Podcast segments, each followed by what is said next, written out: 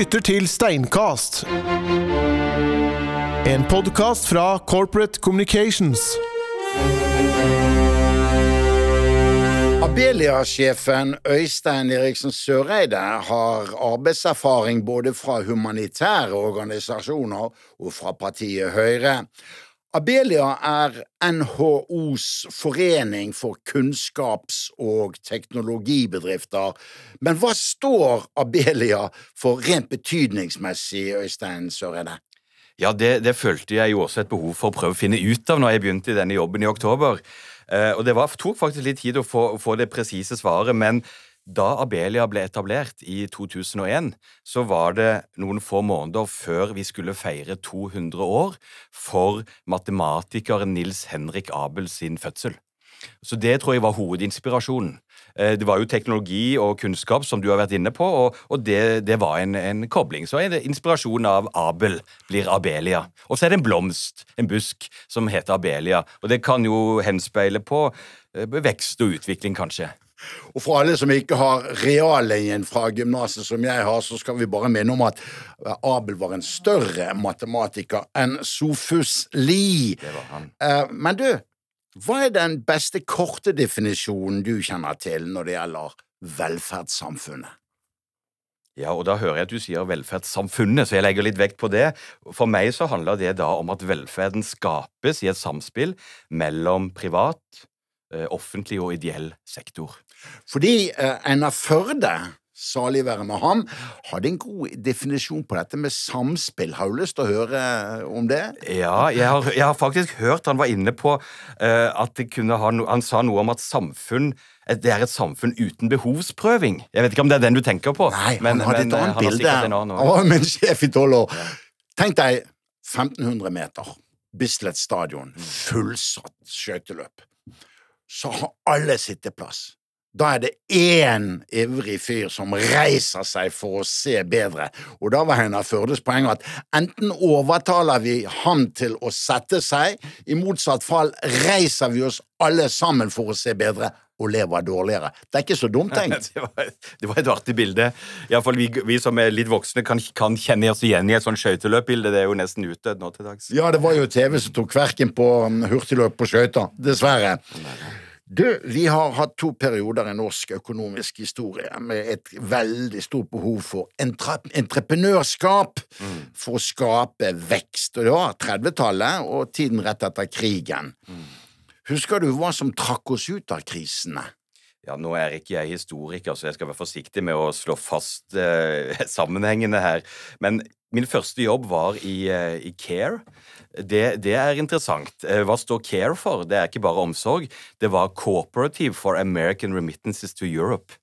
Eh, vi husker jo Marshallhjelpen. Det er klart det var en, en, nødhjelp, en slags start, men det var jo, så vidt jeg kan skjønne, en uh, overgang her fra jordbrukssamfunnet til industri. Vi måtte omstille, vi måtte omskape også den gangen.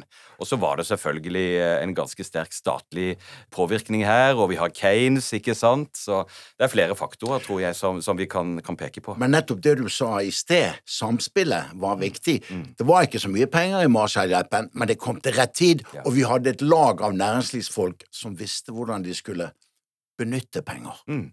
Det er fremdeles viktig, det. Absolutt. Og det å ha tilgang på penger. Vi ser i dag at en del, særlig oppstartsvirksomheter, fortsatt strever med å få fatt i privat kapital, så, så her er, er, det noen sammenhenger også, helt klart. Så, så må vi ikke glemme møbelindustrien på Sunnmøre på 30-tallet, som også var med å trekke oss ut av krisen. Absolutt. Og det er interessant, syns jeg, å, å, lese om egentlig hvor mye som ble produsert i Norge for det norske markedet på 50-tallet, for eksempel. Sykkel, Komfyrer produserte vi. altså Dette har jeg bare hørt om, egentlig, men, men det, vi, vi, vi, gjorde en del sånne ting også. Du som kommer fra Sandnes, må jo være stolt av Øglens sykler? Ja, ja. DBS. Ja, Absolutt. ikke sant? Det var jo selve sykkelen, det. Det var sykkelen. Um, det blir, Øystein eh, eh, Søreide, verken sosionomer eller eventutdannede som skal drive norsk høyteknologisk industri fremover. Og da er spørsmålet forstår ungdommen i dag behovet for å lære seg realfag? Ja, Det er jo et godt spørsmål. Det har nok vært en periode hvor lykken har vært å komme på TV. Og hvor liksom det har vært eh, Om man skulle følge drømmen osv., kanskje uten så mye tanke for eh, hva skal til for å faktisk få, få en jobb. Eh, og du har jo helt eh, rett i at eh, det må være kompetansen og hjernekraften vår som skal være oljen i, i maskineriet fremover, og, og særlig spisskompetanse innen teknologi, realfag. Så vi trenger mye mer av av fremover. Men, men, jeg tror heldigvis vi kan se en viss bedring. Hvis du ser på, på tallene fra samordnet opptak i, i, fjor, så var det faktisk en markert økning i antall søkere på IKT-studieplassene. Så det kan være noen tegn på at det går riktig vei. For uten den forbedringen så hadde vel norsk eh, kompetanseutvikling nærmest fått den siste olje, i stedet for at data skulle bli den nye oljen. Helt rett. Og vi, eh, vi, må jo ikke tro at det står bedre til enn det gjør. Vi har en tendens til å tenke at alt er bedre enn noe sted her, her, på berget. Det er jo snart 20 år siden eh, Kristin Clemet ga oss PISA-sjokket, som egentlig dokumenterte hvor, hvor pass dårlig det sto til i, i norsk skole. Og, og, fortsatt så ser vi nok at vi dessverre er middelmådige på, på vesentlige områder, kanskje særlig da på, på realfagsfeltet. Og det er klart, En ting er hva dette betyr for samfunnet, men også for den enkelte ungdom er det jo dramatisk å ikke få gjennomført skolegangen da har du ikke sjanse til å skape deg et godt liv. Eh, men, men altså for, for, samfunnet så ser jo vi i Abelia vi lager, vi lager noe vi kaller for omstillingsbarometeret. Som egentlig skal prøve å måle hvordan står det til med omstillingsevnen i, i Norge. Hvordan skal vi kunne gå fra ressursøkonomien til kunnskapsøkonomien? Og, og, og, der ser vi både positive og negative trekk, for å si det sånn. Hva er de positive, for å være litt ja. morgenoptimistisk? Ja, Hvis vi begynner med de, så, uh, så, ser vi at vi jo er ganske langt fremme. Vi er faktisk verdensledende når det gjelder befolkningens bruk av teknologi. Og vi har høy produktivitet. Ikke sant? Alle, absolutt. Uh, og et trekk ved samfunnet. Men hvis vi ser særlig på dette med teknologiområdet, så er det mange Alle har en smarttelefon, ikke sant? Uh, og vi er ganske gode også på breddeutdanning i Norge generelt. og generelle ferdigheter. Vi er også i toppsjiktet når det gjelder omfang av forskning og, og utvikling. Og, og, faktisk så kan vi også, Nå kommer jeg nylig fra offentlig sektor. Jeg var direktør for en av bydelene i Oslo. Og vi kan se at digitaliseringen også begynner å skyte fart i offentlig sektor. Og det, det tror jeg er positivt og, og viktig. Hva er baksiden av medaljen, da? Vi mangler fortsatt kompetanse, og kompetanse blir ofte Man føler at det er liksom eh, svaret på alt, men, men, det er helt reelt, og særlig mangler vi spisskompetanse innenfor data, digitalisering, eh, IKT. Det er jo realfags. Absolutt. Det suser. Absolutt. Vi har faktisk også over de siste årene fått dårligere tilgang på internasjonal kompetanse. Det er færre utlendinger, færre internasjonale spesialister som ser det som attraktivt å komme til Norge. Det er òg bekymringsfullt, for vi er, ikke, vi er ikke, mange her i, her i, landet, som det har vært, vært, sagt før. Dette er litt interessant, for USAs innvandringspolitikk har jo støvsugd kompetansemiljøene, ikke minst i, i Asia. Absolutt. Eh, er dette et utilsiktet trekk ved innvandringstoppen i Norge, at utlendinger med høy kompetanse ikke kommer hit? Ja, jeg tror det, det er, kan være, kan være en, en, fare for det. Og så har man uh, tilnærminger og ordninger til å ivareta dette, men jeg tror det fortsatt er for vanskelig å, å komme inn. Vi gjør det for tungrodd. Vi nærmest forutsetter at folk uh, vil snike seg inn i landet på, på å kalle det feil premisser. Det er jo ikke tilfellet, selvfølgelig. Uh, så, så, dette må vi nok bli, bli bedre på. Vi må f.eks. hvis du ser på samfunnskritiske områder som dette med datasikkerhet, så må vi jo ha topp kompetanse. Og, og, der må vi også utdanne flere nordmenn. Eh, noe av dette skal jo være sikkerhetsklarert, til og med. Så. Nå har både du og jeg nettopp lest en roman som heter President is Missing. Ja. Og Det dreier seg om datavirus, og en av forfatterne heter USAs tidligere president Bill Clinton. Stemmer det. Skremmende lesning. Ja, skremmende, fascinerende. Han har jo, altså viser jo Eller du får følelsen av at, at, her har forfatteren innsikt, som han jo absolutt har. Men ja, skremmende lesning og, og de perspektivene på hva som er mulig når teknologien eh, havner i feil hender, det, det, er jo skremmende. Men sånn har det i grunnen alltid vært. Vi må forholde oss til at teknologien kan både brukes til det gode og misbrukes. Det er jo derfor japanerne har beholdt et lineært backup-system for hele sin digitaliserte infrastruktur. Mm. Hadde det vært en tanke å gjøre i Norge? Ja, dette, da er vi på mange måter inn i, inn i mer avansert side av teknologien her, som jeg ikke skal påberope meg ekspertise på. Men at vi må være bevisst på disse tingene, er det jo ingen tvil om. Vi kommer ikke utenom entreprenørånden mm. eh, når det gjelder dette med eh, en overgang til kunnskapsbasert industri. Har vi entreprenørene som i økonomisk historie alltid sørger for forandringer? Mm. Vi, eh, det, her er det også både positive og, og, og, litt mer bekymringsfulle trekk. Vi ser at innovasjonsaktiviteten i Norge øker ganske kraftig. Så, så det, det, er bra. Det er, eh, det er, eh, økende aktivitet i å finne nye produkter, nye, nye muligheter. Eh, og, og, vi tror også det er riktig å si at oppstartsmulighetene i Norge for gründere er faktisk blant de beste i OECD-området. Det er fullt mulig, det er ikke vanskelig å, å, starte bedrift, selv om fortsatt noen klager på byråkrati og papirmølle og sånn. Men det er ikke så ille sammenlignet med, med mange, mange, andre land. Så viser jo statistikken at gründerbedriftene går konk etter to år. Mange gjør det. Og det er jo risikoen, og man kan jo noen ganger lure på hvorfor noen tør og orker. Men det er jo heldigvis mange som lykkes òg, og, og, vi trenger at folk tar, eh, tar sjansen. Men det er dessverre for få nordmenn i det store bildet som er motivert for å skape ny virksomhet. Tror du det var derfor industribaronen Gustav Arring sa til sine nyansatte siviløkonomer at et kvarter på mitt kontor gir dere større kunnskap enn et semester på Norges handelshøyskole? Ja, det var jo, det var jo en offensiv uttalelse, i hvert fall. Men, og han skapte eh, noe. Han gjorde jo det. ja. Uh, du har også uh, en mangeslungen yrkeskarriere bak deg, også som sjefsekretær i seks år for Oslo Høyre. Ja. Så i dag er du kanskje glad for å jobbe i Abelia etter at Frp gjorde Solberg-regjeringen til nok en borgerlig mindretallsregjering? Ja, Da vil jeg uansett ikke være direkte berørt av det som skjer på regjeringsnivå i, i den rollen jeg hadde da. Og så er jeg jo heller ikke blant de som, som, tror at mindretallsregjeringer nødvendigvis er en ulykke for landet, eller for partiene for den saks skyld. Det har vel egentlig vært normalen i Norge. Så, så det tror jeg nå er fullt, uh, fullt uh, håndterbart. Uh, men, men Nei, altså min erfaring fra tiden i sånn direkte politisk arbeid, og jeg var jo også utøvende politiker som helse- og sosialbyråd en periode, at det finnes jo verken noe bedre eller verre enn å være toppolitiker. Men, det, men du får jo virkelig være med og, og sette ting ut i livet. For å være litt sånn eh, privat nå, ristet din kone, som er Norges utenriksminister, litt på hodet da Siv Jensen tok Frp ut av regjeringen ved kjøkkenbordet hjemme? Ja, jeg tror det skal få lov å bli ved kjøkkenbordet, hva, uh, hvem, hvem, som er, egentlig rister på hodet over hva. Men, men, det er klart, det, det blir aldri kjedelig, i hvert fall. Det er helt sikkert. Det tror vi deg på. Uh, så var det denne postmoderne liturgien, Øystein, mm. Eriksen Søreide. Liturgien omkring bærekraft. Klarer bedriftene å nå målsetningene? Vi snakker jo her om Hvis vi skal ta på oss virkelig den store frakken, så snakker vi jo om Eh, ikke bare næringslivets, men egentlig eh, klodens overlevelse. Så, så, så, mitt eh, korte svar er jo at dette må man lykkes med, men det er jo ikke bare næringslivet og bedriftene. Dette må vi lykkes med sammen. Og nå er jo klima var, og klimautfordringen var hovedtema på NHOs årskonferanse. Til og med konsernsjefen i Equinor snakket mest om det.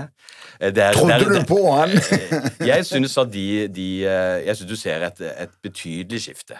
Ikke bare i retorikk. Jeg tror også Equinor viser dette i handling. Men også på World Economic Forum, som finner sted eh, denne uken, eh, hvor vi sitter sammen her, så, så er dette et hovedtema. Men, men det, som er, det, som er, lovende, syns jeg, det er at eh, ja, næringslivet må bidra, men altså, og det handler jo om at næringslivet skal stå for løsningene. Vi må bruke de mulighetene som ligger i ny teknologi, og også anvende gammel teknologi på nye utfordringer. Det ser vi jo at olje- og gassindustrien kan være med og, og bidra til. Du nevnte Davos og World Economic Forum. Der var jo også eh, et av temaene at eh, man frykter nedgang i økonomisk vekst internasjonalt. Hva betyr det for norsk økonomi, som er svært utadvendt og avhengig av eksport? Ja, vi er jo en, en helt åpen økonomi. Vi, eh, vi, forholder oss til dette. Vi, vi er prisgitt hvordan, hvordan, dette går. Handelskrig er dessverre en overskrift på, på bildet nå, mellom eh, selvfølgelig særlig, særlig USA og, og Kina. Og, og, det minner oss jo på at vi må, må, finne vår plass i dette. Selvfølgelig Europa som hjemmemarked er, er helt avgjørende for oss. Og vår største handelspartner heter Storbritannia. Uh hvilke utfordringer ser du her for norsk eksportrettet industri? Ja, her, her, kjenner jeg noen som har, har bedre koll på den analysen. Men, men, det er klart at det er avgjørende at vi fortsatt kan, kan ha et forhold til, til Storbritannia og til, til eh, markedet, til næringslivet der, som gjør at vi kan fortsette å, å, handle sammen. og Jeg håper og tror at det ligger til rette for det, men, men det er klart at eh, her, her, er det noen som eh, nok sitter litt ekstra langt fremme på stolen i disse dager. Abonner på Steinkast i iTunes, eller les mer på corporatecommunications.no. I Abelia skal dere feire kvinnedagen 8. mars ved å kåre de 50 beste teknologikvinnene i Norge. Kvinnene er jo halvparten av vårt uh, forråd av intelligens. Uh, spennende jobb. Ja, det er spennende, det er spennende å få lov å, å lede det arbeidet. Vi skal riktignok uh, ha arrangementet vårt den 6. for 8. mars, er jo, er jo, på en søndag i år, men det er helt riktig, det har med kvinnedagen å gjøre.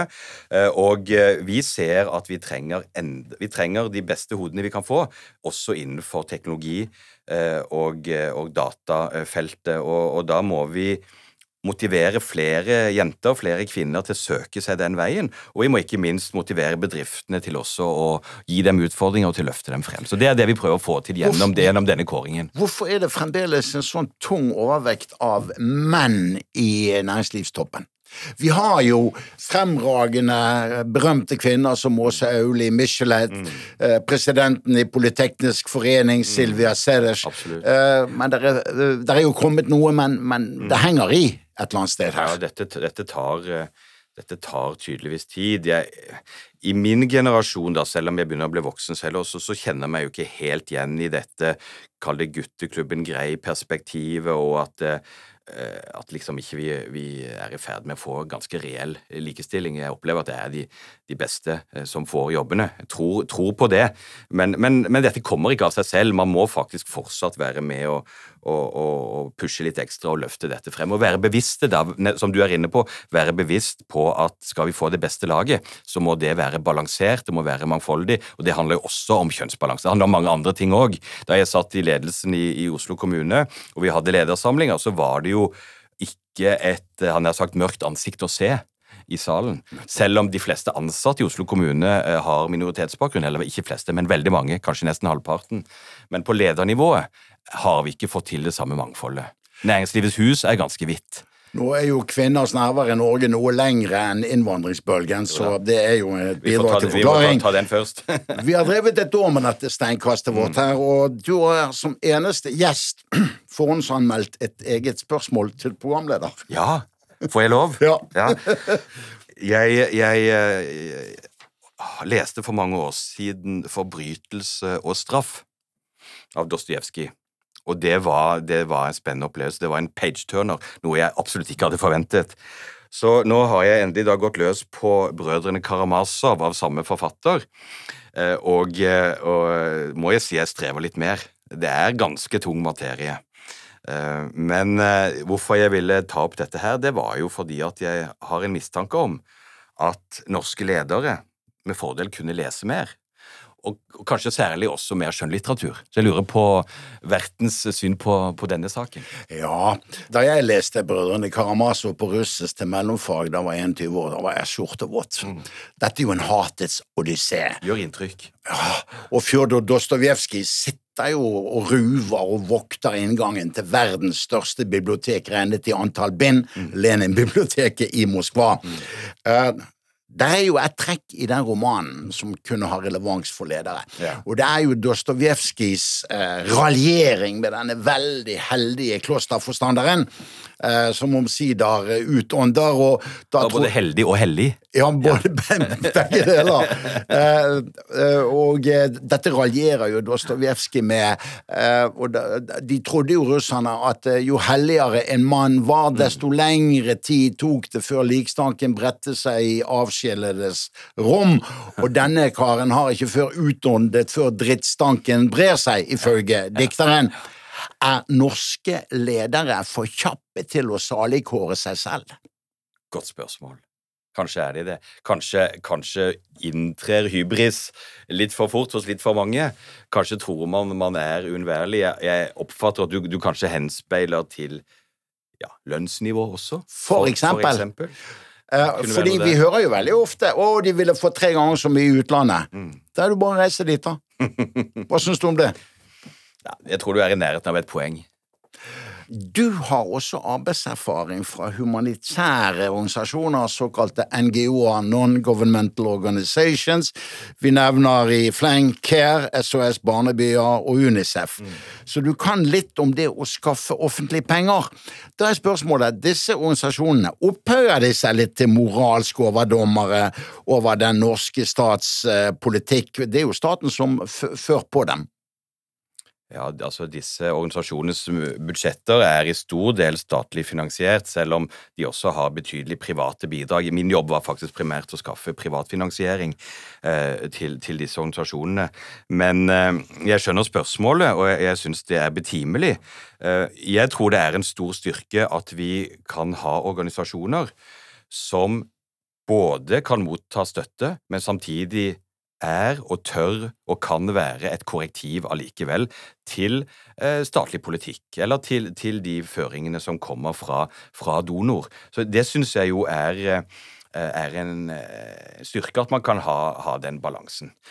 Men, men, dette må man være bevisst, og man må også passe seg for at ikke organisasjonen nettopp blir for avhengige av den offentlige finansieringen, for de skal nettopp være et korrektiv òg.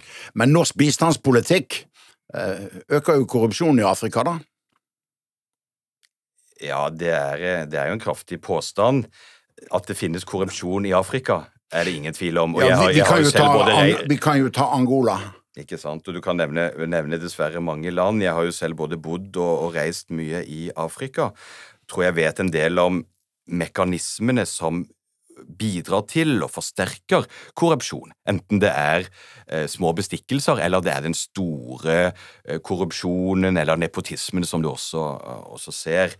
Så jeg tror at man må være seg dette veldig bevisst. Altså, hva tjener en, hva tjener en statsansatt i Angola, da? Det er ikke mange tusen i, i måneden, og her snakker du om store tall, store budsjetter. Fristelsen er stor, du har en stor familie på landsbygden.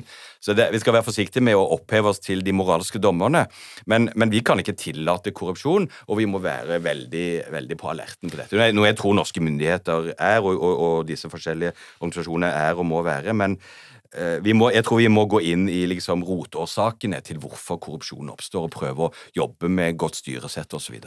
Er fotball verdens mest demokratiske idrett? Det må i hvert fall være noe av det mest uh, utbredte og populære idretten. kan ikke være noen tvil om. Jeg husker uh, i 2000 var jeg tilbake i Togo i Vest-Afrika, hvor jeg hadde bodd i oppveksten og snakket med noen, noen gutter der. og Vi kom inn på fotball selvfølgelig veldig raskt. Og, og, en av de spurte hvor jeg var fra. Jo, Norge. Norvège. Ah, Norvège. Flo. Flo, begynte de å si. Så dette er jo helt fantastisk hvor, hvor global den interessen er. Både Liverpool-treneren Bill Shankly i sin tid og den nåværende pave Francesco mm. er blitt veldig berømt for to sitater om fotballsbetydningen. Uh, ja. Husker du de? Ja, Shankly har jeg i hvert fall helt klart for meg. Jeg er jo Liverpool-fan og har gode dager. Uh, han, han, sa jo at de sier at fotball er et spørsmål om liv og død, men det er jo mye viktigere enn det.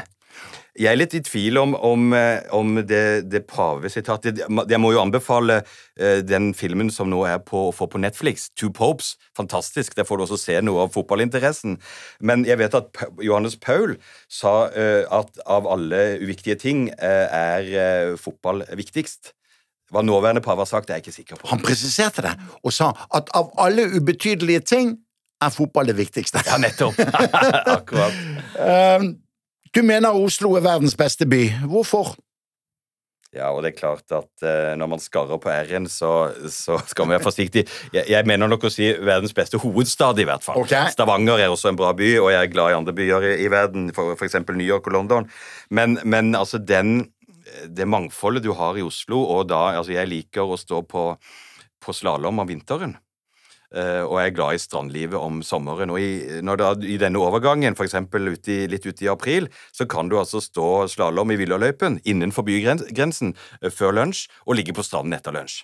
Det er som, fantastisk. Som i Beirut. Nettopp. Som i Beirut. Ja, Det kan ikke være mange andre eksempler. Nei, men Beirut, Det er vel Oslo og Beirut antagelig som har denne muligheten. Jeg tror du har rett i det. Du er blitt 51 år. Hva syns du om at næringslivet her til lands lar folk eh, på din alder eh, bare gå ut på dato? Vi, vi, tidlig i samtalen så var vi innom dette med kompetanse. Vi er et lite land. Eh, vi må bruke all den kompetansen vi kan få, få tilgang på. Vi, vi, det er ikke nok å, å, ha de aller beste ut av skolen. Vi må selvfølgelig ha en så god skole vi kan og, og bygge kompetanse den veien, men vi må også rett og slett ta i bruk og utvikle den kompetansen som er hos oss, eh, som er blitt voksne, for å si det på den måten. Og jeg tenker at det, Vi har ikke råd til noe annet enn, enn å få mest mulig eh, ut av oss alle sammen. Eh, ja. Det går mye kompetanse tapt ved at folk presses ut av jobbene. Det tror jeg du har rett i. Øystein Eriksen Søreide, da må du passe på skiføringen i villaløypen gjennom helgen. Ja, og i neste uke, takk for at du var med på Steinkast. Takk for meg. Hørte på Steinkast. En podkast fra Corporate Communications.